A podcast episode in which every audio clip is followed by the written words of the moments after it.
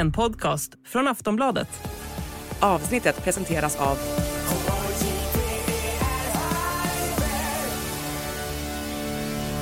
Stödlinjen.se, åldersgräns 18 år.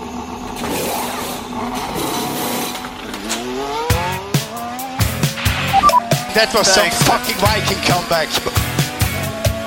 Debris uh, behind. There's something strange with the engine. You that. What the, what the? Yeah, what is this tractor? What is this tractor on track? Suck my balls, man. Get my claps and steering wheel. Steering wheel. Claps and steering wheel here. Vi säger välkomna till Plattan i mattan till er som lyssnar och sen säger vi lite extra välkommen till Plattan i mattan Linus Lundqvist direkt från Motorstaden tänkte jag säga, men Motor City är väl ändå Detroit. India, Indianapolis är väl något annat, va? Men välkommen från Indianapolis, eh, Indycar-föraren Linus Lundqvist. Ja, men stort tack, stort tack. Vilken introduktion. Indycar-förare. Det, det här har man längtat efter att uh, kunna få titulera sig som. Längtat efter att få vara med i Plattan i mattan som eh, är det ena och sen att vara Indycar-förare kommer nummer två kan jag tänka mig då. Ja, naturligtvis. Det var min lista också där, ja. Du, innan vi drog igång här så äh, säkerställde jag att det var i Indianapolis äh, du satt och så försökte jag navigera mig lite geografiskt över en, en karta på äh, vart det håller hus och det är ju, det är ju amerikanska Midwest som det räknas till. Har du varit i de krokarna någon gång, Anna Andersson, som också är här? Ja, jag är här och jag har faktiskt varit där också eh, runt omkring. Har goda vänner som bor i Knoxville, Tennessee. Så att jag har visst varit i de eh, krokarna några gånger. Dock ej Indy 500 än. Det står på min bucket list. Det står väldigt högt upp på den. Det förstår jag. Det borde det göra. Det stod ganska högt upp på din också va Linus, kan jag gissa eller? Ja, ja jag tänkte precis säga det. Den borde stå högt på din lista. Den borde stå högt på allas lista. Um, jag har ju varit här nu i USA, vad blir det, nästan fyra år. Och har ju varit på tre eller fyra Indy 500s, alltid nu som fan. Um, och till och med som förare oftast när du kommer på tävling och tittar på när andra kör så är det egentligen det värsta du kan göra. För att du vill bara vara där och tävla. Men till och med jag har uppskattat att vara fan på Indy 500 för hela evenemanget. Det, det är så stort, det är så häftigt. Men eh, att nu få kunna vara på griden, det känns ännu mer naturligt för mig. Så eh, det ser vi fram emot. Ja, fy fan vad kul det måste vara att veta att det är liksom upcoming och att det är, liksom, det är säkrat och klart. Anna, innan vi köttar vidare med massa, vi ska bombardera Linus med, med frågor här, så kan väl du bara snabbt introducera, vad är det för Linus Lundqvist som sitter framför oss här? Var kommer han ifrån eh, rent eh, racingmässigt senast och vad har han framför sig? Ja, men Linus Lundqvist har jag ju följt i, i alla fall i fem eller sex år tror jag, sen det att Linus var otroligt duktig i brittiska mästerskapet. Och då pratade vi ofta om Formel 1 och så vidare, men Linus har ju som så många andra unga förare från Sverige aldrig haft den här riktiga jätteekonomiska backningen. Så att han tog ju en helt annan väg. När andra har valt att liksom satsa vidare mot F1 via Formel 2 och, och eh, först Formel 3 och sen Formel 2 så valde Linus att mitt under pandemin ta sig över till USA där man har ett stipendietänk på ett annat sätt, lite som i skolorna, att där man kan via att vinna ett mästerskap gå vidare till nästa. Men eftersom eh, det var stängt och det var pandemi så drog Linus till Mexiko, skrev brev till Donald Trump och försökte ta sig över gränsen för att lyckas i Formel, Formel 3 där som det började. Och det gjorde han ju naturligtvis. Han kom ju både in i USA och lyckades. Gick vidare till Indy Light som det hette då. Nu heter det Indy Next som är serien under. Gjorde bra ifrån sig och under fjolåret så vann han ju det där mästerskapet. Men som så många gånger annars så är det där med finansieringen då, för det där stipendiet som var utlovat vart ju, ja, om jag uttrycker mig lite slarvigt, typ halverat eller ännu mer. Vilket gjorde att det fanns ju inte de pengarna för en start i Indycar som Linus och vi andra hade hoppats på. Så han hängde ju kvar där och terroriserade allt och alla med samtal, eh, snack under racehelger för att se till att ingen kunde undgå denna fantastiska oslipade diamant från Tyresö. Och när chansen dök upp så tog han den. Inte bara en gång utan två gånger och tre gånger på alla olika bantyper här under sommaren. Han ersatte Simon Pagenaud. Och eh, det hela slutade med att Linus nu ersätter Marcus Eriksson hos Chip Ganassi Racing 2024. Och där har ni Anna Anderssons masteruppsats i både radio, poddande och även i racinghistoria. Vad fan, är du nöjd Linus? ja, men jag tyckte att det där var en extremt bra sammanfattning för mina senaste år. Det, det, det går så snabbt när man tänker igenom det, men eh, jag menar, det känns som eh, det var en annan livstid när jag liksom försökte ta mig in i USA satt i Mexiko och försökte fundera hur jag kunde, kunde göra det. Men eh, ja, nej, det, det är kul att höra liksom någon annan som återberättar sin egen eh, karriär sådär. Ja, jag fick Men alltså hur fan var det där då? Sitta i Mexiko och försöka ta sig in i USA? Alltså, vad va, vad var det om?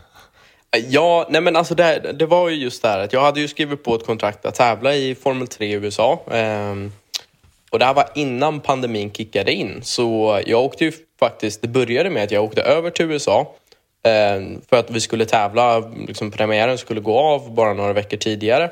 Och samtidigt som jag satt på flyget, för det var liksom under uppbyggnaden av pandemin, samtidigt som jag satt på flyget, jag flög till San Francisco, då eh, kom de och sa att vi har ställt in premiären på grund av pandemin. Vi vet inte när liksom, kalendern och racingsäsongen kommer sätta igång. Så jag var i USA i typ två dagar eller något sånt och sen så bokade jag en biljett tillbaka till Sverige. Och sen så var jag i Sverige i ett par månader Ehm, innan vi fick svar på om säsongen skulle sätta igång. Och när jag fick svar att ah, men den kommer börja där i mitten på juni eller vad det nu var, då, eh, då skulle jag ju ta mig över till USA, men då var det ju extremt svårt att kunna ta sig in från vissa länder för att då hade de här Ja, det, det, jag tror att USA hade ju stängt sina gränser mot alla Schengen-länder. och eh, då, det var ingen som riktigt visste, för vi har ju aldrig varit i den här situationen tidigare om vad som egentligen gällde. Utan ja, vad vi typ halvt chansade på att jag kunde vara i Mexiko i 14 dagar för att sen ta mig in till USA. Men det visste vi inte 100 procent. Så eh, det var verkligen så här att vi har inget annat val. Så nu sätter vi dig här i Mexiko och så hoppas vi att du kan ta dig över. Och sen så kom jag in typ en vecka innan första racet. Men äh, det, det var lite, lite wild and crazy. Fy fan vad sjukt. Skrev du brev till Donald Trump? Jajamän, vi- allting, allting du kan tänka dig eh, som du, man kan prova, det gjorde jag. Jag drog i alla trådar jag någonsin hade haft. Eh, och där kom ett brev till Donald Trump bland annat. Du, du, du tror inte på mig, i min, min story där. Alltså, Linus är nog den förare som jag har pratat med som alltid har dragit de mest absurda historierna om hur man ska lyckas med någonting och på något sätt alltid drar hem dem. Eh, och dessutom alltid, i alla fall hittills, har lyckats prestera under en helt galen press. Så att eh, vi, jag, jag ser fram emot att höra otroliga stories idag Linus. Men det jag framförallt skulle vilja, vilja fråga dig om är den här förmågan att dra i alla tåtar som finns, att, att ringa och jaga Chip Ganassi Racing i, i två år, typ, tills du får en chans och att alltid prestera. Precis när du vet att om jag inte presterar här så är min karriär över. Var kommer den ifrån och hur har du byggt upp den?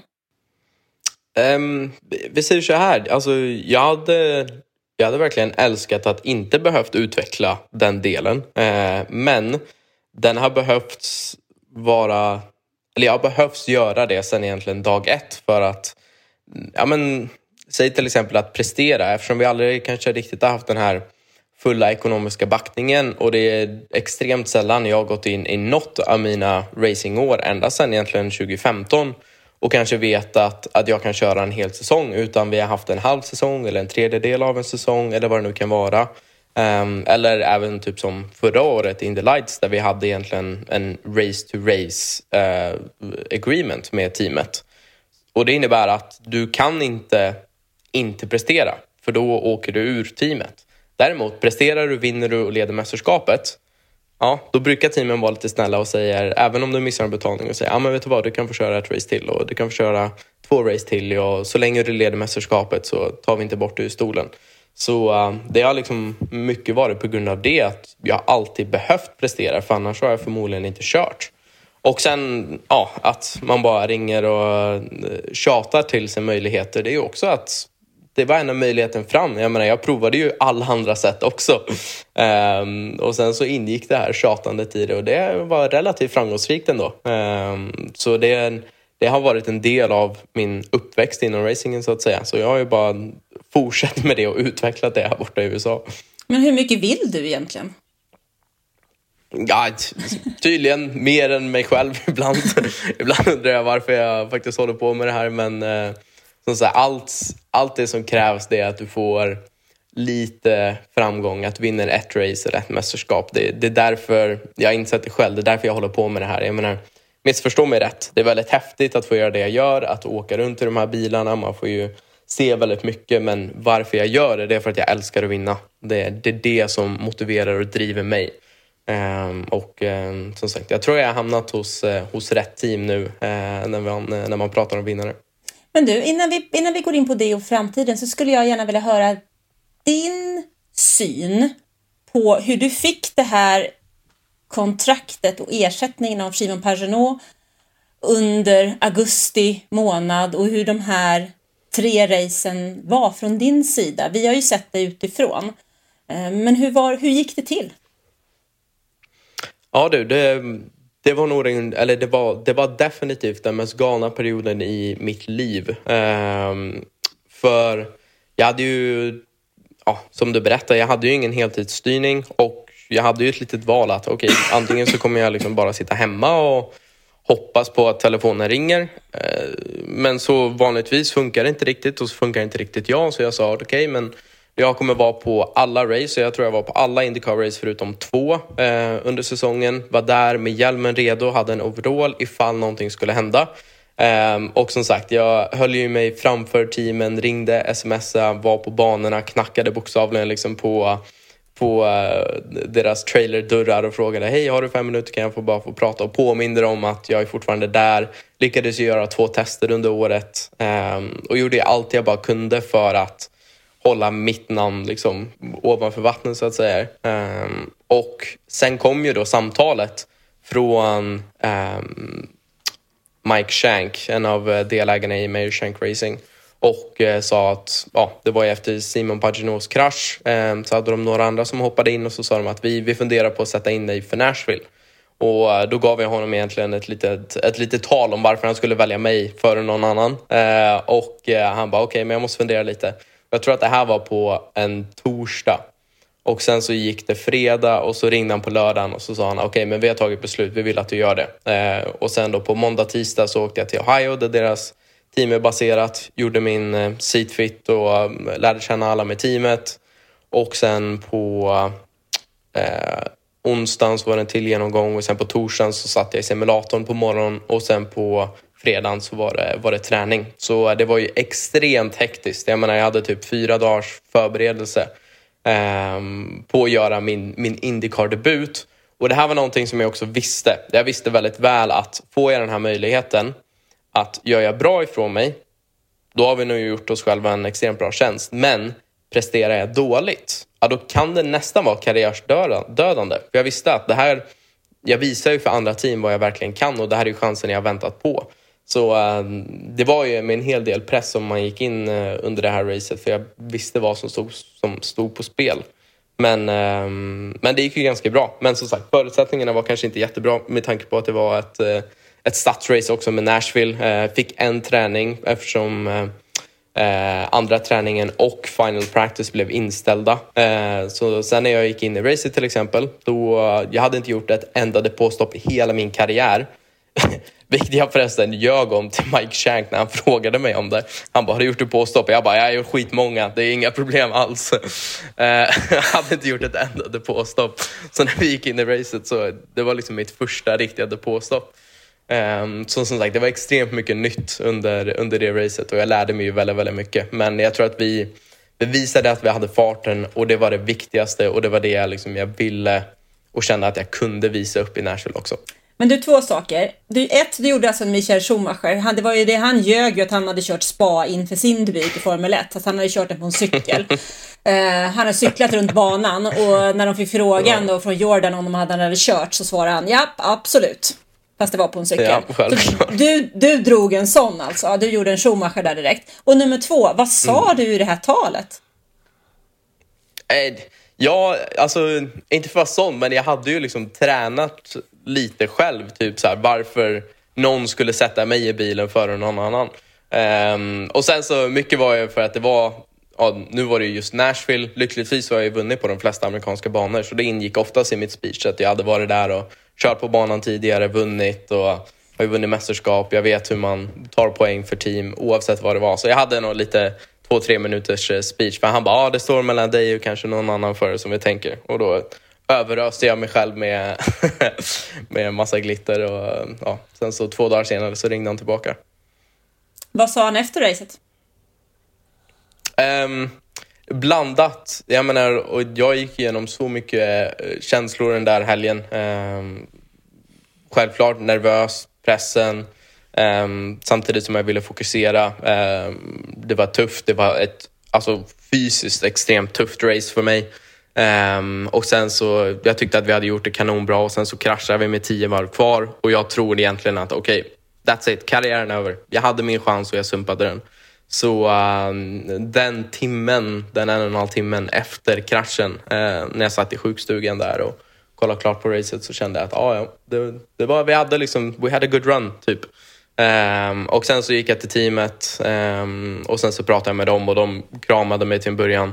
Eh, och han teamägaren han sa det, det sista du behöver tänka på det är kraschen. Du har gjort så fantastiskt bra så det behöver du inte ens tänka på. Eh, och jag tänkte typ så ah, okej, men det sa de egentligen bara för att vara schyssta. Eh, och sen så eh, ett par timmar efter racet innan jag skulle åka hem till Indianapolis så ringer han eh, för att sätta sig ner. Han frågar om jag fortfarande har kvar. Och så sa han, ah, jag och Jim, den andra delägaren, vill sätta oss ner och prata lite med dig. Och jag bara, ah, nu kommer det då. Eh, så satt de ner och så hade de varsin öl i handen eh, i deras Airbnb. Jag bara, okej, det brukar vara en bra eh, känsla. De bara, ah, you want a beer? Jag bara, ah, nej, typ.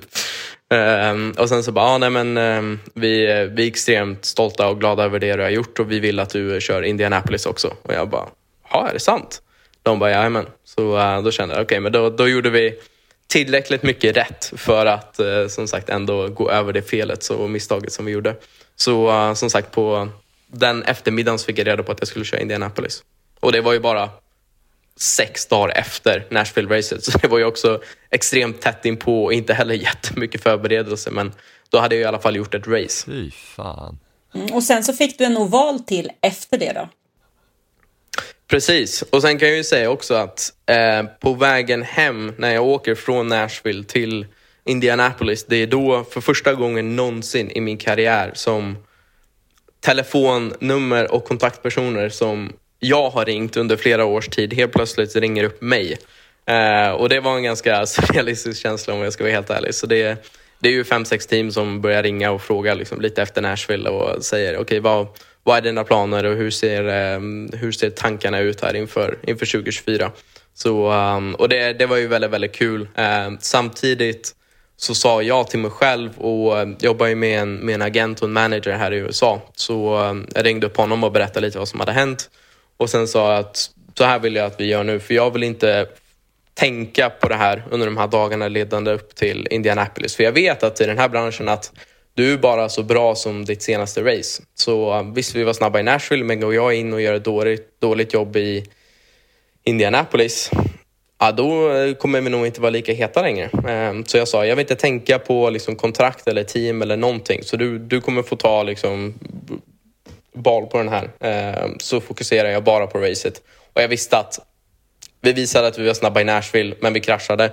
Så om jag bara gör ett stabilt, bra race, tar mig i mål, tar lite poäng, då, då kommer vi liksom ha gjort ett väldigt bra jobb.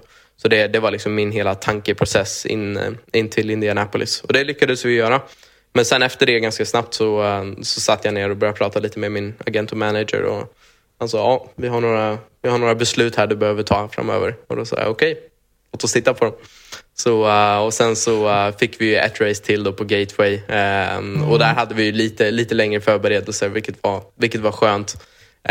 Och sen så efter det så, så vart det, ju, vart det ju klart vart jag skulle gå. När ringde Chip Ganassi? Alltså, så här, Chip Ganassi, som sagt, jag har ju pratat med dem i över två års tid om att försöka få till någonting, så jag har haft en ganska god relation med dem. Um, så vi hade ju faktiskt till och med pratat under vintern för att sitta i bil nummer 11 i år. Um, vi satt ner ganska länge och tittade på att göra möjligheter men rent finansiellt så fanns det inte möjligt, uh, möjlighet att göra någonting. Um, så, men som sagt, jag fortsatte ju att prata och ifall det fanns någon möjlighet att göra ett race eller två race eller vad, vad det nu skulle kunna vara. Um, så vi hade ju pratat även innan Nashville och sen efter Nashville så, så ringde de upp och frågade lite hur, hur konkret mina planer såg ut för framtiden. Så eh, det är ju någonstans där som, som det seriösa pratet började. Och sen så eskalerade det tänkte jag säga, bara ända, ända till efter Gateway. Alltså helvete, det låter, du tar liksom så kloka beslut så att det känns som att du har liksom varit med i, och att du är 45 och är en liksom er, erfaren gammal räv i gamet. Men du är för fan född 99.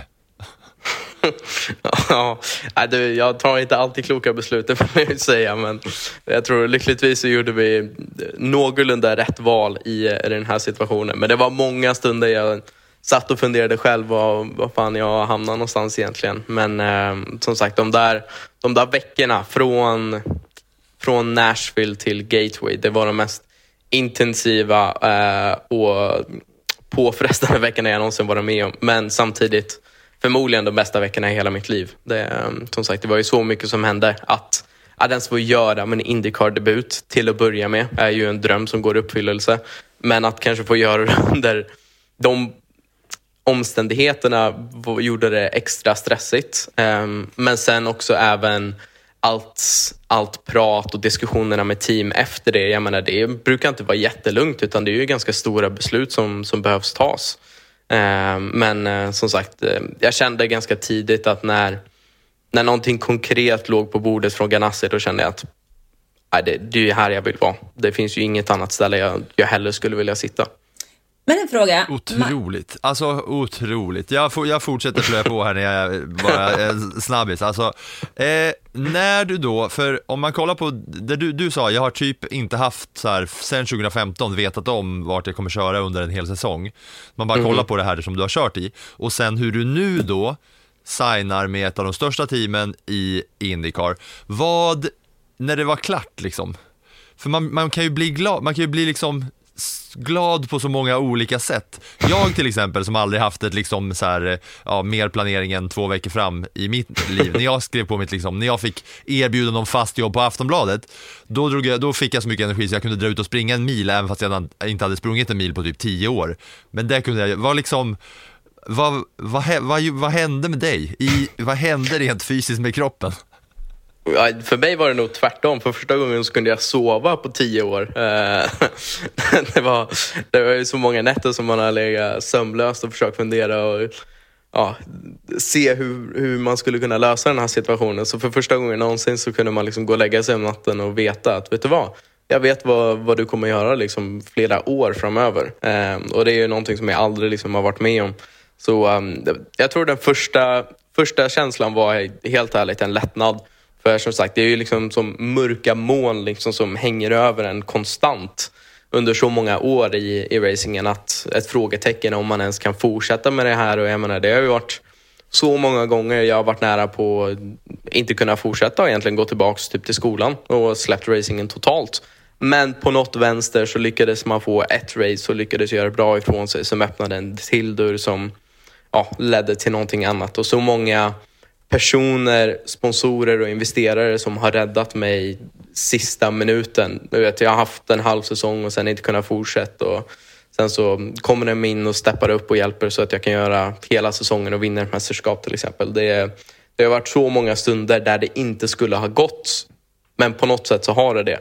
Ehm, och jag tror att som sagt, nu när man sitter här och har uppnått egentligen sin, sin dröm, första steget i alla fall i drömmen att sitta med ett Ganassi med Chip Ganassi Racing, eller ett kontrakt med Chip Ganassi Racing. Um, jag tror man uppskattar de stunderna ännu, ännu mer. Och man tittar ju tillbaka liksom att herregud, vilken, vilken resa vi ändå har gjort. Men det jag funderar, Marcus Eriksson lämnar ju Chip Ganassi Racing och en av anledningarna till det är att han ville ha betalt för sin styrning. För han har hela tiden bidragit med ekonomi vad han än har kört. Men det behöver han inte göra nu hos Andretti Global. Hur ser det ut för dig? Ja, alltså... Jag har ju aldrig haft möjligheten att, eh, att ta med mig ekonomi in i ett team på så sätt. Eh, och eh, som sagt, lyckligtvis så, så behöver jag inte det i den här, i, i den här situationen heller. Ehm, och det var ju mycket därför jag satt vid sidlinjen eh, av majoriteten av året ehm, i år. För att det fanns ju Indycar-platser öppna. Men för att sitta i dem så behövde man ta med sig liksom miljoner dollar i sponsorer. Och som sagt, jag har aldrig haft den möjligheten. Ehm, så att nu kunna, kunna sitta här med ett kontrakt som sagt med Chip Ganassi Racing utan att behöva ta med sig det. Det tror jag är alla förares drömmar. Jag menar Marcus, eh, som sagt, han tog ju till och med beslutet att lämna Ganassi för Andretti Global. Eh, och jag tror som sagt det var en stor anledning av det. Så eh, det är ju verkligen dit alla förare vill nå. Det är ändå rätt stort, alltså det är rätt få förare sett till racingen överhuvudtaget som faktiskt får betalt för att köra och inte behöver själva finansiera sin styrning. Det är ju typ en handfull eller två. Fler är det inte. Nej, alltså det vi är lyckligt lottade att, att få kunna sitta i den situationen. Um, som du säger, det, är, det är Eller bara asbra på att köra. ja. ja, men alltså det, helt ärligt, det, ibland så är det inte bara det som krävs. Jag menar, jag måste ju, jag hade ju också väldigt, väldigt tur eh, i form av timing i år. Hur det här hände med mina inhopp typ på Nashville och Indianapolis. Hur det hände tillsammans ja, men så pass sent i året så folk har börjat prata nu om kontraktsdiskussioner och jag menar att jag skulle sitta i en Chip Ganassi-bil fanns ju inte ens på min karta i början egentligen av det här året utan jag hade ju tagit sikte mot kanske andra team som jag hade pratat med, bland annat som jag hade testat för. Och sen egentligen efter Nashville, för jag visste inte ens att det skulle vara en plats öppen i, i Ganassi. Um, och sen efter Nashville så börjar man höra lite saker och de börjar ju prata med en och inse att okej, okay, nu, nu gick vi helt plötsligt från, um, från att kämpa om en plats till att möjligtvis sitta i den bästa bilen i hela, i hela startfältet. Um, så uh, som sagt, det, det var en sjuk resa där på de där veckorna som man gjorde. Men hur ser du på ditt 2024 nu då, när du för första gången inte behöver kämpa för att överleva? Ja, men det är skönt. Men jag menar, det kämpandet för att överleva övergår nu till ett kämpande att göra så bra ifrån mig jag bara kan. Och det kan jag säga, det är en mycket roligare kämpaglöd man kan ha. Eh, och man kan fortfarande sova gott om natten och eh, man kan, som sagt, vara lite lugnare generellt. Eh, men jag kan ju säga att jag har aldrig haft så här mycket jobb att göra när man kollar till racingen. För jag menar, annars har jag ju lagt kanske 70-80% av min tid på business-sidan av racingen för att få ihop sponsorer och, och investerare att ens kunna, kunna få tävla. Eh, nu så kan jag släppa allt det där och bara fokusera på det sportsliga. Och det kan jag säga, det behövs när man kommer till ett team som Chip Ganassi Racing för det är en hel del som de vill att förare ska veta och du behöver lära dig en hel del. Så um, jag sitter och går i en liten skola här nu faktiskt helt ärligt hos teamet ett par dagar i veckan där de går igenom alla system, och upplägg och saker de vill att du ska lära. Så um, det ser jag fram emot under vintern och få gå tillbaka till racing skolbänken. Snackar vi då liksom skola som i form av bilen, system eller kan det vara så här bara, så här går, gör du när du kommer till arbetsplatsen, så här loggar du in på det här stället för att liksom skriva in dig på det här stället? allt, bägge, allting du kan tänka dig. Eh, jag, menar, jag har fått, fick min egen lilla nyckelknippa här bara för några veckor sedan så nu kan jag komma och gå lite som jag vill. Jag har fått en dator och inlogg och du vet mycket sånt administrativt också i början, bara komma, komma in rätt. Men sen är det ju, mycket i början är också relationsbyggande, bygga en relation med de personer som du kommer jobba med, mekaniker och jag menar jag tror att det är över 200 personer som, som jobbar i det här teamet i byggnaden. Så det är många, många namn, mycket namn som jag försöker lära mig också, ansikten. Um, och mycket sånt i början som jag vill lägga mycket tid på. Samtidigt som det är bilen, strategi och jag menar, jag är ju fortfarande en rookie i Indycar. Så det är, det är mycket för mig att lära. Och speciellt när, när man ja, sitter mitt emot typ Scott Dixon och Alex Palou eh, så, eh, så finns det mycket frågor att ställa dem. Ja, men det där är ju lite, lite intressant också om man tänker på det. Alltså, du har två schyssta lärare då i form av Alex Palou som har vunnit två mästerskap, det senaste mästerskapet i år och Scott Dixon som visserligen är från Nya Zeeland på något sätt känns som den moderna Mr Indycar som har vunnit både mästerskapet fler gånger än vad jag kan räkna i huvudet samt Indy 500 och är, hur gammal är han, 43 eller någonting. Så det är rätt schyssta ja. lärare du har. Nej, men alltså det, det är helt otroligt. Och det var ju också en av de stora delarna i eh, ja, som, som gjorde mitt beslut att, att Ganassi är verkligen dit jag vill gå. För jag menar, att komma in som rookie, först och främst att kunna sitta i en bil som du vet kan vinna race och mästerskap, men sen att få kunna sitta som sagt mitt emot Alex Palou och Scott Dixon som jag menar herregud, de blev etta, två i mästerskapet med nästan 100 poäng till, till trean förra året. Jag menar det finns inget bättre team du vill vara med och förmodligen inga bättre förare du skulle vilja sitta och lära dig av. Så uh, som sagt, för mig är det här en, en riktig drömsituation. Och jag menar, vi alla går in hit för att vi vill vinna. Men samtidigt så inser jag att vinner jag inte, då är det inte katastrof. För att jag går upp mot de bästa förarna i hela världen på det här. Så om jag bara kan lära mig så mycket som möjligt och kunna vara med och utmana till slut, då, då är jag ganska nöjd. Men eh, som sagt, just nu under vintern så är det fokus bara på att lära mig så mycket som möjligt och bli integrerad. Eh, Samtidigt som jag vet inte riktigt vilken bil jag kommer sitta i eller vilka ingenjörer jag kommer jobba med. Så ja, vi håller fortfarande på att reda ut den där delen. Men jag vet att oavsett var jag kommer sitta och vem jag kommer köra med, det, det kommer vara bra. Kommer typ alla som du jobbar med vara nya för att du går till Indycar från Indy Lights? Eller har du några folk som hänger med dig i bakgrunden så att säga? Om du fattar vad jag menar. Alla mekaniker kanske är helt och hållet Chip Ganassi, men har du några personer som inte är på business-sidan då, eller vad man ska säga om ditt personliga varumärke typ, som hänger med? Ja, nej, alla, alla kommer vara nya, så alla kommer vara liksom eh, eh Ganassi-anställda. men lyckligtvis så, eftersom vi fick till det här ganska tidigt, så lyckades vi vara med teamet både i Portland och Laguna förra året, eh, eller i år, ehm, och sitta med och lyssna. Och det var, det var väldigt, väldigt hjälpsamt. Så jag menar, först och främst så gick de ju vann bägge de racen och vann mästerskapet, så det var ju ingen sån här dålig introduktion till teamet och man kände att ribban är lagd. Eh, men det var bra också för att jag fick ju en liten soft start för att se hur, hur förarna jobbar och eh, hur de pratar och vad de ger för feedback och även lära känna teamet eh, på, på en lugnare basis än att kasta sig in i förarsitsen direkt.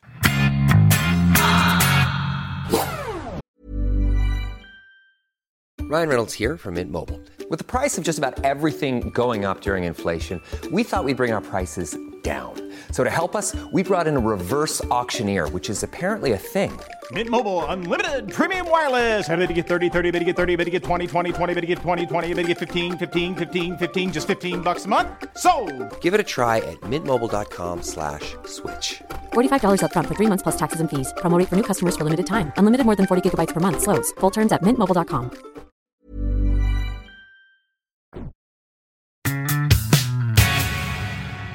Det är ju så här va, att eh, vi har ju haft en del gäster i den här podden. Trots att vi då är klassade som Sportbladets Formel 1-podd så mm -hmm. inkluderas ju även Indycar dit och eh, vi har ju haft med eh, både Marcus och Felix, Felix och Kenny Bräck har varit med och sen lite olika. Och ditt namn, du har ju liksom, vi har ju pratat om dig, men vi har aldrig pratat med dig. Och därför har mm -hmm. ju, så tänker vi att vi ändå ska försöka hålla oss till samma lite typ av format. Trots att vi har suttit och babblat i ungefär en halvtimme här, så kör vi liksom, vi, vi utgår oftast ifrån en liten ruta med några liksom frågor som, som alla får och så ser man vart, vart vi hamnar. Men först, innan vi tar oss dit bara, det här lugnen om depåstoppet.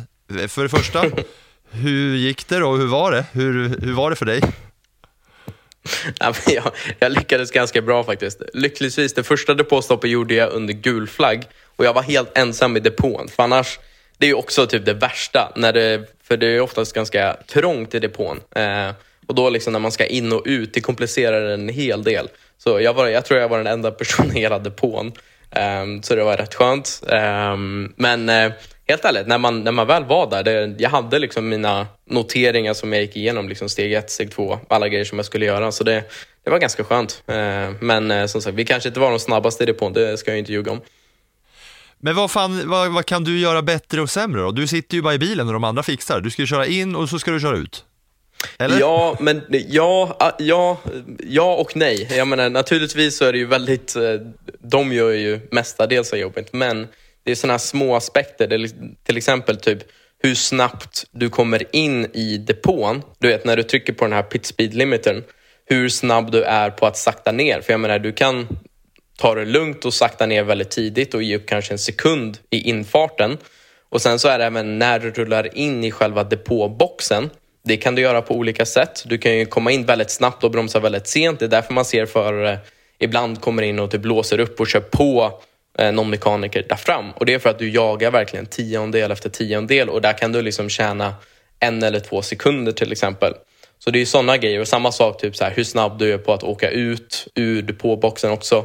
Så det är, även om det inte känns så mycket så kan du ganska lätt ge upp två, tre, nästan fyra sekunder av racetid bara i sådana moment. Och det är som sagt, på banan så är det fyra, fem platser. Så då, eh, det är då liksom man ser ofta folk som cirkulerar, de kommer in från tionde position och så kommer de ut igen som fjortonde. Så undrar man, vad fan var det som hände? Ah, nej, men de andra var lite bättre i depå eh, avsnittet så att säga. Men, eh, men som sagt, så det, det, var inte, det var inte jättebra men det var inte jättedåligt heller. Men du, jag tänkte på det men där. det är ju någonting för alla som, för alla som lyssnar är ju att, alla som, många som lyssnar här har ju såklart kollat på eh, Formel 1, några stycken har ju kollat på Indy. Men alltså depåstoppen är ju något som skiljer jäkligt mycket. Det är ju mycket mer Hula Baloo och Mayhem i en Indy-depåraka ju. Jag tycker det känns som en ja, så här, myrstack nästan om man jämför Indycar med eh, Formel 1. Alltså, det är ganska städat i Formel 1 och så blir man lite upprörd någon gång. Men Indycar det är verkligen myrstack, fullt, hela tiden. Ja, ja, jag vet. Det är helt otroligt. Och speciellt, min, min favorit är alltid att, och det här är ju upp till mekanikerna, just han som står på höger eller vänster framdäck beroende på hur depån är. Då.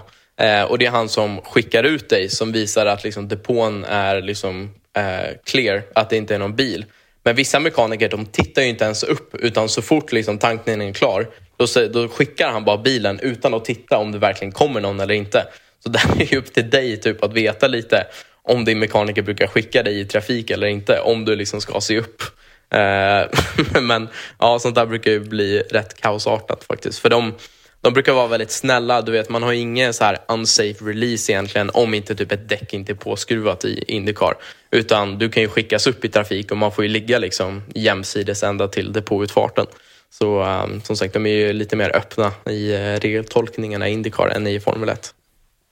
Ja, och sista bara innan vi tar lite faktaruta-frågor. Den här personen som du ljög för om depåstoppet, vet han om det idag? Nu när allt är nej, det gör, nej, det gör han inte. Så, nej, lyckligtvis är den här podden på svenska. Så jag tänker inte att han ska få reda på det där. Det är jobbigt nu att du ska få reda på att vi kommer från och med nu börja köra engelskt översätta av AI-avsnitt, så allt blir internationellt nu för första gången här. Ja, du, du kommer leta upp den här personen på Facebook och skicka det direkt till honom. Jag känner det. Ja, det är fan otroligt. Ja, men du, vi, eh, vi, vi kör ändå lite, lite snabbfrågor som vi har gett på alla andra. Och då vill jag börja med eh, frågan som är fullständigt namn. Och då förväntar jag mig inte här att det blir lika mycket kaos som när jag ställde frågan till Kenny, som då mera, sedermera blev Senny Bräck, som ett, blev ett jävla hula baloo i liksom, ja. Eh, ja, sportmediavärlden. nej, jag förväntar mig inga rubriker här. Lite, ja, nej, den där är ganska enkel. Linus Lundqvist och med mellannamn så är det Linus Hans Fredrik Lundqvist. Det är dubbla mellannamn och inte ett dubbelnamn? Två mellannamn. Ja, klart och tydligt. Eh, ålder, ja. du är född 99, vad gör det dig idag? 24. Relativt ungt i Indycar-sammanhang, eller?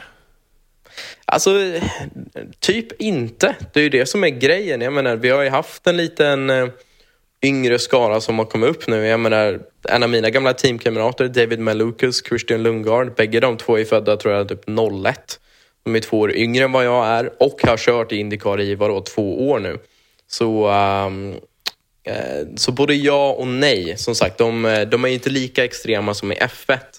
Eh, där det känns som att du måste nästan vara tonåring för att anses vara ung eh, om du ska köra. Men, ehm, men däremot så, så har du ju några, typ som Scott Dixon och, och andra som drar upp medelåldern lite. Så det, så det är bra. Jag känner mig lite yngre när man, när man tittar på dem. Eh, födelseort, uppväxtort och boendeort? Födelseort Tyresö, uppväxtort Tyresö, eh, boendeort Indianapolis, eller Carmel är väl orten. Indianapolis. Carmel, och hur, hur länge har du varit där då? Då ska vi se, mitt första år i USA var 2020 och då bodde jag i Brownsburg och sen så flyttade jag hit. Brownsburg är typ 35-40 minuter från här och sen flyttade jag hit 2021 och har varit i samma lägenhet sedan dess. Men du, är det så att både Marcus och Felix också bor i närheten där, Carmel? Känns så? Ja, jajamän, jag menar herregud, jag och Mackan vi, vi bodde ju i samma lägenhet, eller jag och Marcus vi bodde i samma lägenhetskomplex. Eh, så märkte vi efter ett tag. Eh, och eh, jag tror jag sa till, till dig Filip här innan, innan vi började spela in, jag tror att det är kanske 10-15 förare som bor i samma lägenhetskomplex här. Så det, det är lite kul, man springer på lite olika förare nere vid poolen. Det är Christian Lundgard och lite andra Indy Lights-förare och andra Indycar-förare. Så det, ja, det är lite kul. Vad babblar ni om när ni inte babblar om racing då? Vad, vad blir, kan ni liksom ses för att kolla på liksom en Sunday Night Football typ och knäcka några bira typ? Ja, nej men alltså vi försöker ju, i alla fall oss icke-amerikaner försöker ju liksom att bli amerikaner. Så vi försöker ju typ titta på amerikansk fotboll eller eh, basket eller baseball eller vad det nu kan vara bara för att liksom bli inkluderade i det amerikanska sättet. Så, uh, men det är rätt kul. Jag menar, vi alla lever ju liknande liv uh, så uh, man försöker hitta saker om det är att träna tillsammans eller gå ut och äta eller vad det nu kan vara. Försöker du bli amerikaner? Jag... Hur mycket svensk är du då? Ja, men jag är ju svensk i grund och botten men man försöker ju passa in eh, Eh, där man är så att säga. Och samtidigt, jag menar, det är ju häftigt att få som 24-åring eller när jag kom hit 21-åring att få flytta till USA helt själv, lämna vänner och familj helt hemma. Jag menar, det är ju ett äventyr i sig att bara flytta hit. Sen är ju racingen därför man gör det men eh, som sagt man vill ju ta del och lära sig lite om landet och eh, se vad det har att bjuda på.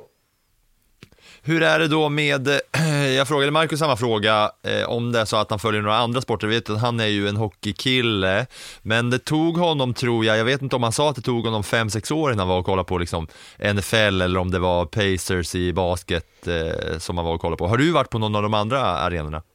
Nej, alltså jag, jag följer ju honom. Det kommer ju ta mig ytterligare något år eller två innan jag faktiskt tar mig iväg.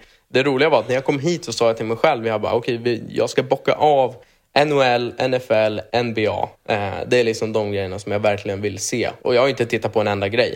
Så uh, ja, jag kämpar med det där, så vi får se om jag lyckas i år eller inte. Ja, men det är klart att du gör. Jag kan säga att jag har sett på alla tre vid olika tillfällen. NBA var ju det som var klart långtråkigast. Ja, okej. Okay, ja. ja, men det var ju synd, för det är typ det, vi, det bästa vi är på här i Indianapolis. NFL däremot var ju lite kul, måste jag säga. Mm. Och hockey är ju alltid mm, kul. Mm. Ja, nej, men så, jag känner jag vill, jag vill ta dem bara för att kunna säga att man har gjort det, eh, om inget annat. Eh, så vi får se om det tar mig fem sex år eller om jag kan göra något år tidigare. I, i, i vägen fram hit då, har du, varit, eh, har du hållit på med andra sporter också eller har det bara varit racing? Nej, jag har hållit på med de flesta andra sporter. Eh, höll på med väldigt mycket när jag var liten. Eh, allt från självklart hockey och fotboll som de flesta andra men eh, en del kampsport, eh, pingis, innebandy, schack höll jag på med, med ett tag. Så som sagt, lite allt möjligt. Men som sagt, det, det var racingen och gokarten som jag fastnade för som liten.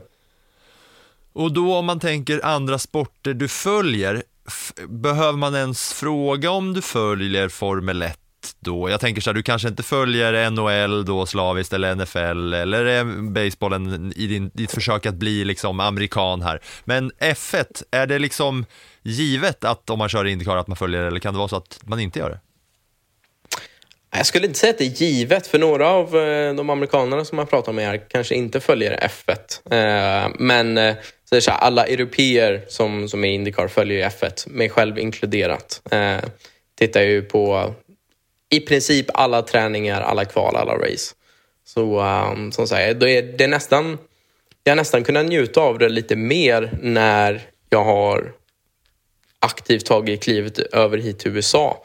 Um, för då, då är det inte bara ett mål som man vill uppnå utan då kan man faktiskt titta på och njuta för vad sporten faktiskt är. Uh, och som sagt inte bara tänka på att oh, herregud jag vill vara där en dag och hur tar jag mig dit? Utan nu kan man faktiskt bara titta på det och uppskatta racingen. Hur går det till då när du kollar? Är det liksom F1 Pro och massa olika skärmar överallt och samtidigt som du kör banorna i någon egen simulator eller smäller upp en liten laptop och kollar i lugn och ro? nej, nej jag, jag har den här eh, F1 TV-appen så jag brukar smälla upp den på tvn här och sen så brukar sitta och käka någonting. Det, det, är inte mer komplicerat än så faktiskt. Jag har inte så här flera skärmar och följer eh, live eh, ombord och eh, massa sektortider utan jag, jag följer bara tv-sändningen. Men du, vad tycker du om årets säsong då? Det är, jag som sitter och lajvar väldigt mycket F1, jag har ju noterat att det är två olika läger, i alla fall bland de som följer det. Antingen så är det så att man tycker att det är urtrist för att Verstappen vinner allt eller så är det att man tycker att det är fantastiskt för att det är så jämnt bakom Verstappen så man liksom struntar i själva Verstappen. Ja, alltså jag tycker ju inte att det har varit den roligaste av säsongerna att följa. Eh, för jag menar, de är där för att göra en grej och det är vinna världsmästerskapet och nu så är det ju bara Verstappen som kan göra det. Så ur den aspekten så är det ju lite tråkigt får jag hålla med om. Men man får ju lära sig uppskatta de andra fighterna bakom och just att det är så jämnt. Samtidigt som att jag kan inte låta bli att tycka att eh, det är alltid imponerande att se någon dominera så pass mycket som Verstappen gör eller som Hamilton har gjort liksom, de, de senaste åren innan dess. Eh, jag menar, det, man måste vara på en sån hög nivå för att kunna göra något sånt. Eh, så jag kan inte låta bli att bli lite imponerad när man ser, ser sånt, för det är inte, det är inte jätteofta.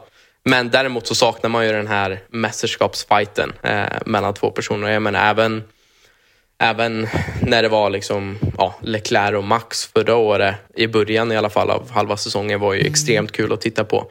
Sen, eh, sen ja, har vi inte haft det i år, vilket har varit tråkigt. Men eh, vi får väl se vad som händer eh, de kommande åren.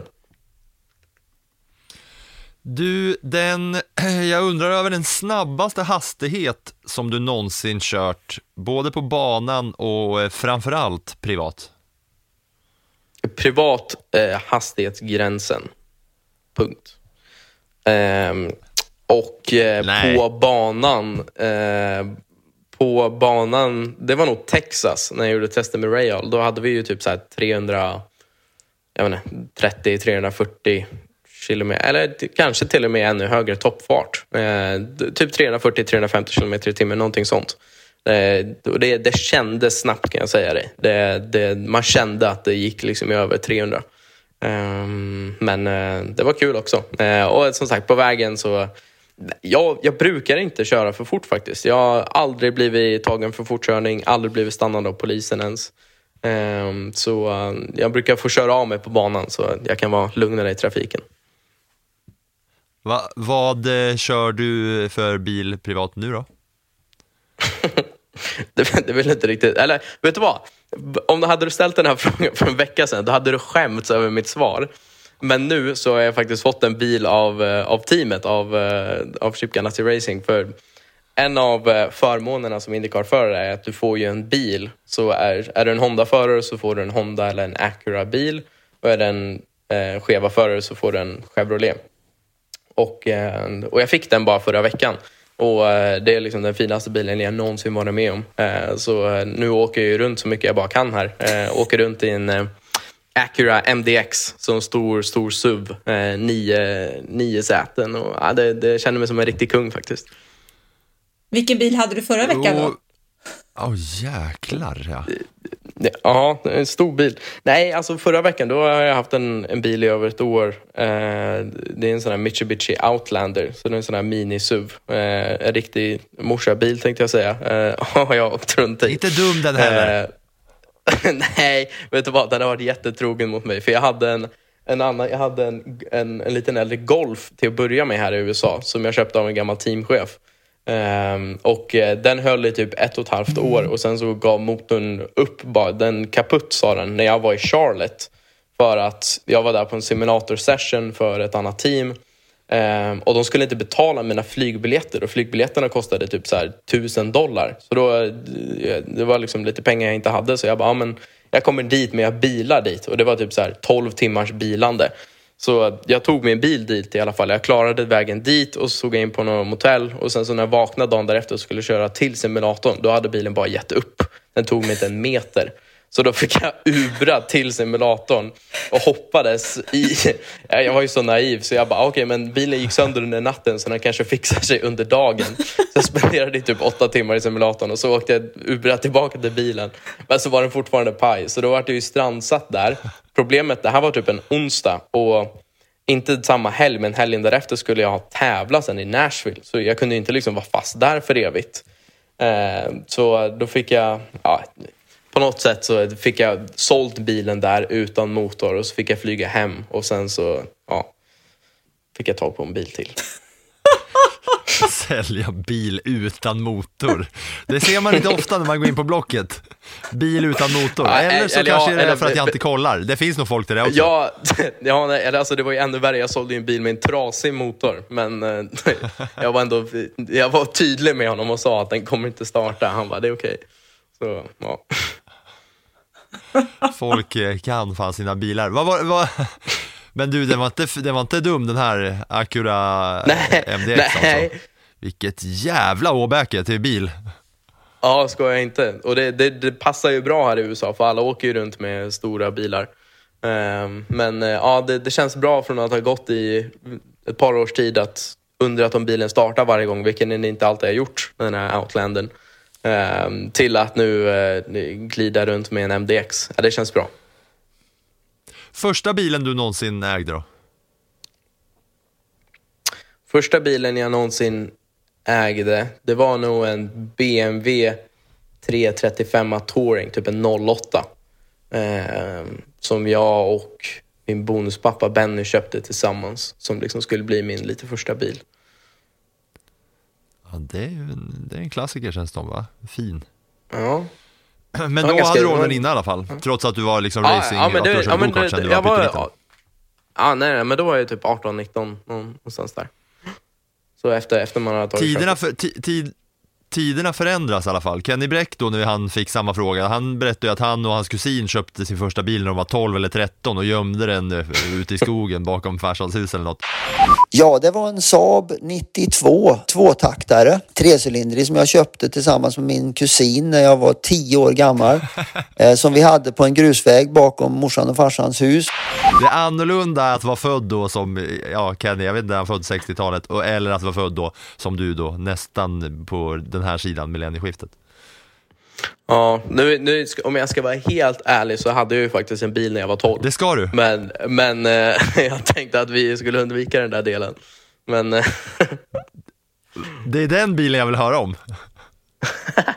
ja, nej, nej, det var inte riktigt min bil utan ehm, men det var då jag började köra bil på riktigt och det var mm, vad ska jag säga?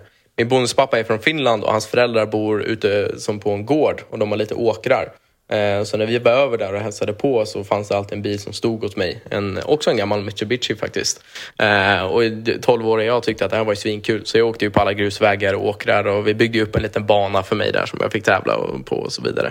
Eh, Men det Nu roligaste allt, vi. mina, ja, nej, men mina föräldrar brukar alltid berätta den här storyn, det är att efter ett tag så vart jag liksom trött på att åka samma bana och då, då hittade de mig runt ett, eh, en liten eh, en liten laggård där jag övade på att fickparkera. Eh, övade jag på. Så då hade jag liksom gått från själva racingvärlden till att börja fickparkera och hitta dragläge. Det var det liksom som jag stod och tränade på. Så, ja, ja, jag vet inte riktigt vad jag hade för mig, men kul var det.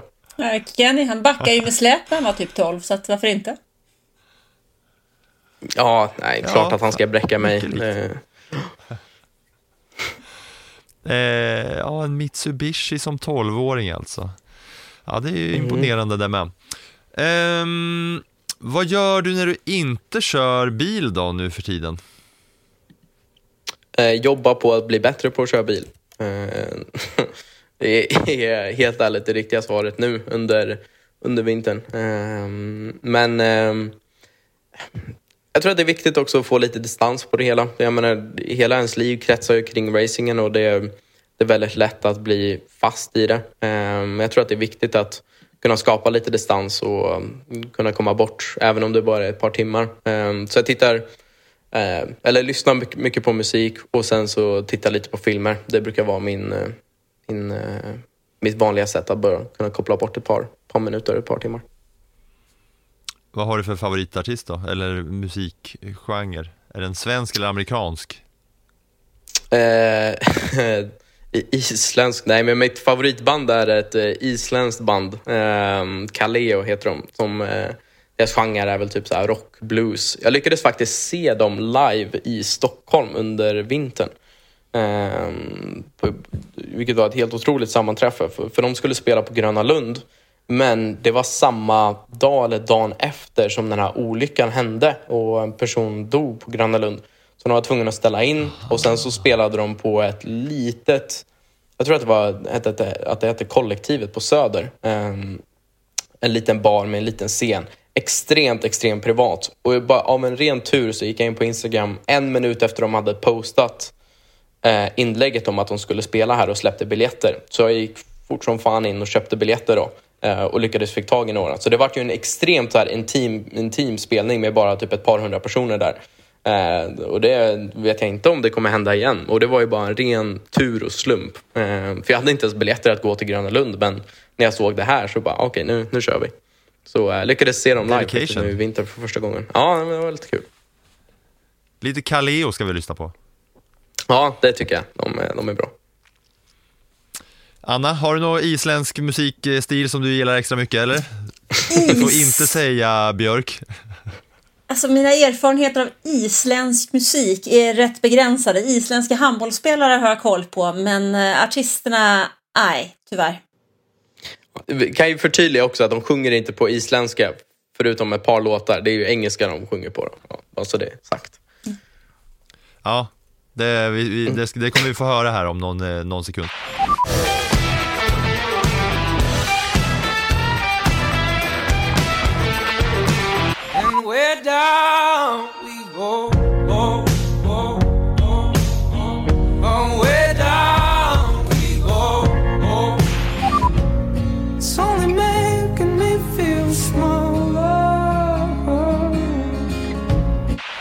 Sigur Rós är väl ett annat eh, isländskt band som jag bara eh, har i bakhuvudet någonstans. Inte säker på det heller. Eh, du, jag undrar egentligen Eh, det här är ju inte, det här, nu, det här är ingen snabb fråga, det här är bara något jag suttit och tänkt på. Vad är skillnaden eh, när du har gått nu från Indy Lights till Indycar rent så här bilmässigt? Hur, hur märker du av skillnaden på bil versus bil? Ja, man märker ju av, det är ju ganska stor skillnad mellan dem. Men jag vill ändå tro och kanske visade det även i Nashville att att köra bilen i sig absolut, det tar lite tid att bli van vid det, men är du snabb i en Indy Lights-bil, då har du en ganska stor chans att du är snabb i en Indycar-bil också. Um, och det tror jag även är universellt tänkte jag säga, för vad du än sitter i för bil så gör du egentligen samma saker. Det är att du kör så snabbt du bara kan och du har ju en känsla för vart greppnivån ligger. Så att komma upp till att vara snabb um, och komma upp till en viss nivå eh, tror jag att du har eller att du inte har. Du kan ju naturligtvis träna upp och liksom bli bättre på det men det kommer ganska naturligt oftast. Sen så är det just de här den sista procenten och de sista hundradelarna, tiondelarna som brukar vara svåra. Men det största för mig just nu det är ju allting runt omkring, det vill säga strategier, spara däck, spara bränsle, depå, stopp, allt sånt och alla beslut som tas under helgen och hur du bygger upp din bil rent setupmässigt. Det är den delen som är den svåra och det är där, det är där man ser skillnaderna mellan de som är duktiga och de som är extremt framgångsrika. Hur du använder alla personer runt omkring dig och hur duktig du är på att som sagt få en överblick på ett helt race väldigt tidigt. Ehm, det, det var en av de största grejerna som jag tog med mig från att titta liksom, på Alex Palou och Scott Dixon när de ehm, tävlade där i Portland och Laguna. Det låter ju annars ganska tråkigt det här kan jag tycka. Spara bränsle och spara däck. Ja, det kan låta tråkigt men det är, det, och det är inte jättekul helt ärligt i bilen heller för att du kör ju liksom under din, din kapacitet och förmåga. Men det är ju en ganska intressant aspekt för att alla behöver ju göra det. Så eh, jag menar, herregud, jag vet inte hur många race Scott Dixon har vunnit på en annan bränslestrategi för att han var lite bättre eh, på att spara bränsle. Eh, jag, menar, jag, tror, jag tror att det var två race i år, både Indianapolis och, och Gateway som han vann. Eh, rent på grund av att han var bättre än någon annan på att spara bränsle. Eh, och sådana grejer är jag extremt intresserad av att lära mig och försöka bli lite som honom i, i den aspekten. Eh, så jag tycker att det är kul och det är roligt för du som förare får fler verktyg att jobba med och fler saker du kan vara bättre än någon annan på. För annars är det liksom, det enda du kan vara bättre på det är att vara snabbare. Men nu kan du vara bättre på att spara bränsle, du kan vara bättre på att spara däck, du kan vara bättre i depån. Så uh, det finns ytterligare saker att jobba på och det, det tycker jag är kul.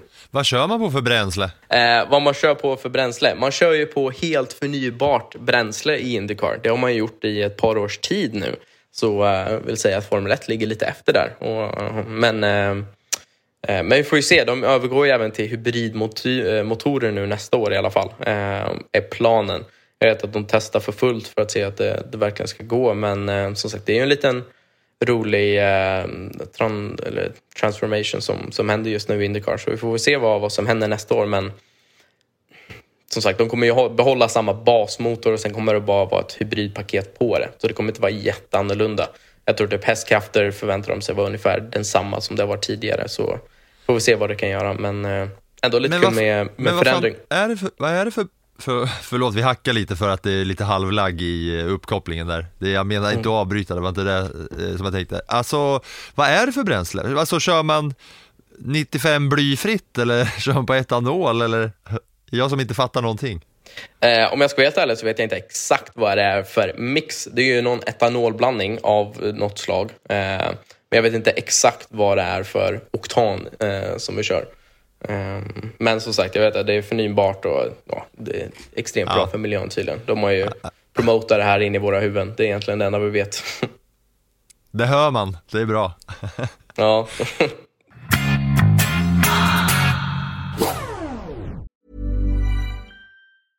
Ryan Reynolds here from Mint Mobile. With the price of just about everything going up during inflation, we thought we'd bring our prices down. So to help us, we brought in a reverse auctioneer, which is apparently a thing.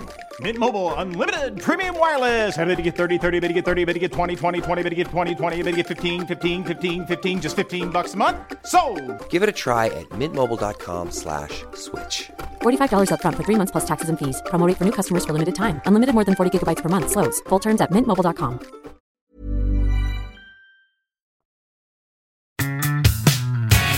När, när drar allt igång för er då? På, liksom, när blir det he het stol på riktigt?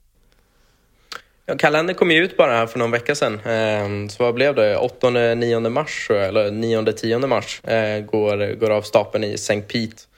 Och sen så var det väl ett par veckor till, ehm, till racet på Thermal och sen så hade vi ju nästan en månad till, till nästa race på, uh, på Long Beach. Så, uh, men som sagt, i början på mars där går första racen. Jag la faktiskt upp hela listan, alla datum för och banor för uh, Indycar på F1-bloggen på Sportblaget här i veckan som gick. Så 10 tredje är premiären i Sankt Petersburg. Sen pågår det fram till den 15 i nionde där man nu kör uh, finalen i Nashville 2024. Men alla datum finns där. Ja, och sen är det ju då en av de största eh, datumen då kanske gissar jag i racingkalendern som är Indy 500 och det är väl the month of May som eh, drar igång. 26. Eh, där har du väl alltså 26 va? Mm -hmm. 26 maj. Är det så att man ser extra mycket fram emot just Indy 500? Ja, det är det definitivt. Jag menar, speciellt nu när jag liksom får vara få varit på plats under ett par år och verkligen se, se hur stort det är eh, och hur mycket det betyder, delvis för fans men speciellt för förarna. Så eh, att nu få kunna, få kunna stå där på griden innan och få se liksom 350 000 personer på läktarna, det, det måste vara otroligt mäktigt. Så um, det, det kommer definitivt bli höjdpunkten uh, av, av race för, för året. Ja, det är ju otroligt alltså. Men det är ganska, ganska långt kvar. Vi, vi sitter här eh, 2 oktober, podden kommer ut eh, två dagar senare. Det är långt kvar. Eh, hur mycket tid får du spendera i bil? Det är mycket, vi pratar mycket om eh, strategier och taktik och mycket sånt att lära sig om bilen och allting eh, runt omkring. Hur mycket sitter du i bil under det då som jag gissar på heter försäsong kanske? Ja, det är det som är med den, här, med den här sporten, att det är ju inte jättemycket körning och tid som vi faktiskt utövar vår sport. Um, och så kommer det nog inte bli för mig heller. Uh, jag kommer dock sitta i bilen nästa vecka. Nästa onsdag kommer jag göra min debut för Chip Ganassi Racing för att göra min eh, um, ROP, Rookie Orientation Practice, runt uh, Indianapolis Motor Speedway. Så då kommer jag få köra på uh, Indy 500-ovalen. Um, ehm, och egentligen visa att jag ja, hanterar och, och, klarar av att köra där. Um, så det kommer bli min debut. Men sen efter det så vet jag helt ärligt inte hur mycket mer körning det kommer bli. Um, kanske att vi kommer göra ett eller två test under vintern uh, och sen så kommer det ju bli lite körning under um, under februari tider så har vi ju ett officiellt två dagars test bland annat på Thermal och kanske någon dag till men, men det är ju inte jättemycket körning så man försöker hålla sig i form på, på andra sätt och vis. Det är så jävla sjuk grej. Jag, som, jag är ju relativt liksom, eh, ny inom eh, att följa all motorsport. Men det fascinerar mig så jävla mycket varje gång hur lite ni får ut, som du säger, hur lite ni får utöva sporten när det inte är liksom race så att säga. Mm, ja, det, det är speciellt liksom när man jämför med andra sporter. Eh, men det är samma för alla. Det är ju det som är eh, det bra i det hela här. Att speciellt när man kommer upp liksom lite i klasserna och du har eh, en gräns på hur mycket du får testa. Och det är inte bara en fråga om hur mycket pengar du har, utan du får inte testa mer. Så det, det är ju samma för alla. Ehm, och eh, som sagt, man får ju försöka jobba på alla andra sätt du kan bli bättre på, förutom de att sitta i bilen och köra. Så jävla sjukt. Tänk att man skulle säga det till alla lag i NHL, typ. Ni får träna en gång i veckan på is, annars blir det inget mer. Sen är det match. Det är så jävla konstigt. Ja, ja, en gång i veckan, det är ju extremt. Jag menar, vi kommer nog ha, vadå, sex träningsdagar under en hel säsong, kanske. Eh, så det är inte ens en gång i månaden som man får, man får träna. Sen så är det ju race uppe på det och i samband med racen så får vi ju lite träningar också, men det är ju bara någon timme hit och dit så det är ju inte hela dagar som man lägger. Har ni sett filmen Cool Runnings, någon av er? Ja. Om det jamaikanska bob, boblaget. Det är en jävligt klassisk scen så. De, det är jamaikansk boblag som, eh, det är en, base, det är en eh, liksom, så här, lökig fin Disney-rulle som handlar då, som är byggd på en verklig händelse. När Jamaica hade ett boblag i OS i Calgary. Och då sitter mm. de i badkaret och kör, så håller de upp bara så fotografier på varje kurva, så drar de bort dem, så sitter de alla fyra i badkaret. Det är lite, lite så jag nästan tänker att er vardag får vara, eftersom att ni får köra så lite bil. ja, det är ju läskigt likt hur, hur jag förbereder mig för race om jag får säga det. ja, det är bra. Nej, du, får du får kolla på Cool Runnings med Sanka och Derice Bannock och gänget. Vad, eh, vad väntar nu den här eh, dagen? Vart, vart fan är du ens dagmässigt i dy dygnet här? Vart, vad är klockan? Eh, då ska vi se, hon är kvart över tio här nu, så fortfarande morgon för mig. Eh, så ja. jag ska kila iväg här till gymmet och sen så har jag ett annat möte här nu klockan två min tid, så om typ tre och en halv, fyra timmar. Så um, det är det som jag har inplanerat idag, uh, så inte jättemycket. Kör du också mycket nackträning eller? Ja, det blir en hel del nackträning, det blir det. Uh, sen nu under vintern så har man ju ett litet annat upplägg just för, just för gymmet, hur det ser ut och vad man, vad man vill göra och fokusera på. Uh, men uh, nacke är ju en av de största delarna för oss. Vad tar du i nacklyft då? Mäter man eller? Nacklyft? Nå, ja, både ja och nej. Vi kör ju dock, vi kör ju sån här, vad ska jag säga, man mäter ju typ så här newtonmeter om hur stark man är i nacken. Och sen så kör man det typ så här, jag tror att vi kör tester typ varannan vecka eller var tredje vecka för att, för att se så att nacken inte håller på att ge upp. Ja, det är jävla sjukt det, att man ska träna så jävla mycket nacke. Min tjej kollar ingenting på Formel 1 eller racing överhuvudtaget, men ibland så hamnar hon i soffan bredvid mig när jag kollar på F1. Och när Carlos mm. Sainz stod högst på prispallen, då satt hon och bara Vad har han för jävla nacke? Han har ju inte ens en hals, det är ju bara en, det är ju bara en förlängning av skallen. Vilken jävla nacke! Det är kul när man ser ja, att det är så klart och tydligt. Ja, exakt. Det, det är det som är kul när man tittar på vissa förare, att det är, det är verkligen så tydligt att nacken är så bred. Ibland typ bredare än huvudet själv. Eh, jag tror typ Alonso har en sån här riktigt redig tjurnacke också. Ja men herregud, karln har ju kört F1 i 20 år. ja, exakt. Det är inte så jävla konstigt kanske. Vi önskar dig jättestort lycka till inför den här säsongen, eller ja, inför den här försäsongen för det första får vi önska lycka till och sen för säsongen när det väl drar igång. Det har varit väldigt, väldigt roligt att ha med dig eh, här. Som sagt, vi har pratat om dig, men nu är det kul att vi har fått prata med dig och då ser vi väl fram emot också att eh, vi får höra någon gång när du har eh, varit inne i hetluften på riktigt. Linus Lundqvist som nu alltså kommer köra för Chip Ganassi Racing i Indy Car. Jag säger tack. Vad säger du Anna? Ja, men ett stort tack Linus. Jag ser fram emot att höra från dig när vi närmar oss säsongen också. Och höra lite grann, lite mer om hur du har tränat i badkaret. Ja, tack så jättemycket. Det, det har varit en ära att uh, få varit med och prata med er. Och uh, som sagt, jag hoppas att vi uh, hörs under säsongen och snackar om lite race som man har vunnit. hade ju varit trevligt. Ja, det är grymt. Ja, fy fan, det ska bli så jävla kul. Mycket kul att ha Linus Lundqvist i podden. Men det är ju också så att vi heter ju Sportbladets F1-podd Plattan i mattan, trots att vi gör Indycar när det eh, passar sig bra. Eh, men det ska ju racas i helgen. Vi har ju en helg bakom oss där det inte har varit något F1-race, men nu ska de köra bil snabbt igen och den här gången i Qatar, Anna. Qatar, ja. Och det stora snackisen inför helgen, det är ju att det är en sprinthelg. Och Max Verstappen kan bli den första världsmästaren någonsin som säkrar titeln i en sprint.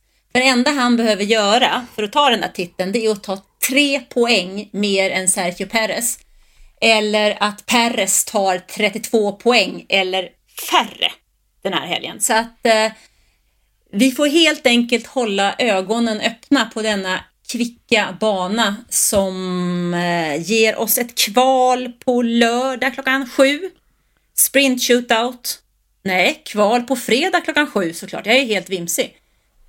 Kval fredag. Det, blir, det är helt okej att vara vimsig för att det är så jävla vimsigt. Det är det alltid. Det är något vi har lärt oss så är att det är vimsigt när det kommer till sprinthelger. Ja, men du är det. Fredag kval 19.00, lördag shootout 15.00, lördag sprint 19.30. Där blir Verstappen världsmästare, om man tagit tre poäng eller, eh, av mer än Sergio Perez. Och sen lyckas han inte med det så är det ett GP på söndag kväll klockan sju. Och då får vi väl hoppas att eh, det är lika tydligt för våra lys eller lika ty tydligt för Max Verstappen själv som det är för våra lyssnare med att han ska ta tre poäng mer än Sergio Perez eftersom att förra gången han blev mästare så blev det ju lite antiklimaktiskt, eller hur? But I, for world champion. But I'm not so. what? But I'm not, no. You I am? Yes, you are. You sure? Because people keep telling me to. Ja, det var ju Japan och regn och grejs, men det hade vi ju, det blev vi av med förra veckan och jag tänker att regn, Qatar, risken är inte jättestor va? Nej, så är det väl. Men det ska bli kul i alla fall att hålla koll på det. det blir, vi har ju alla eh, våra eh, team och eh, förare som är roliga att följa. Jag själv är mycket spänd på att se om McLaren kan eh, fortsätta hålla i det här och kampen bakom Verstappen, även om det är så att han kommer bli klar eh, världsmästare nu i helgen. För det gissar vi väl på med all säkerhet, Anna.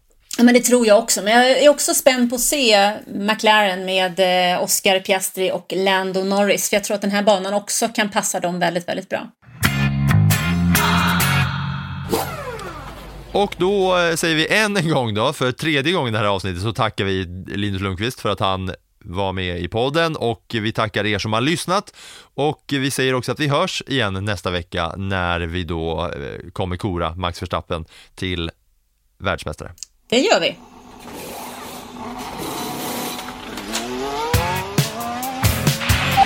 That was some fucking Viking comebacks. Debris uh, behind. There's something strange with the engine. And you've a new pet after that. What the, what the? Yeah, what is this tractor? What is this tractor on track? Suck my balls man. Get my claps and steering wheel. Steering wheel. Claps and steering wheel here.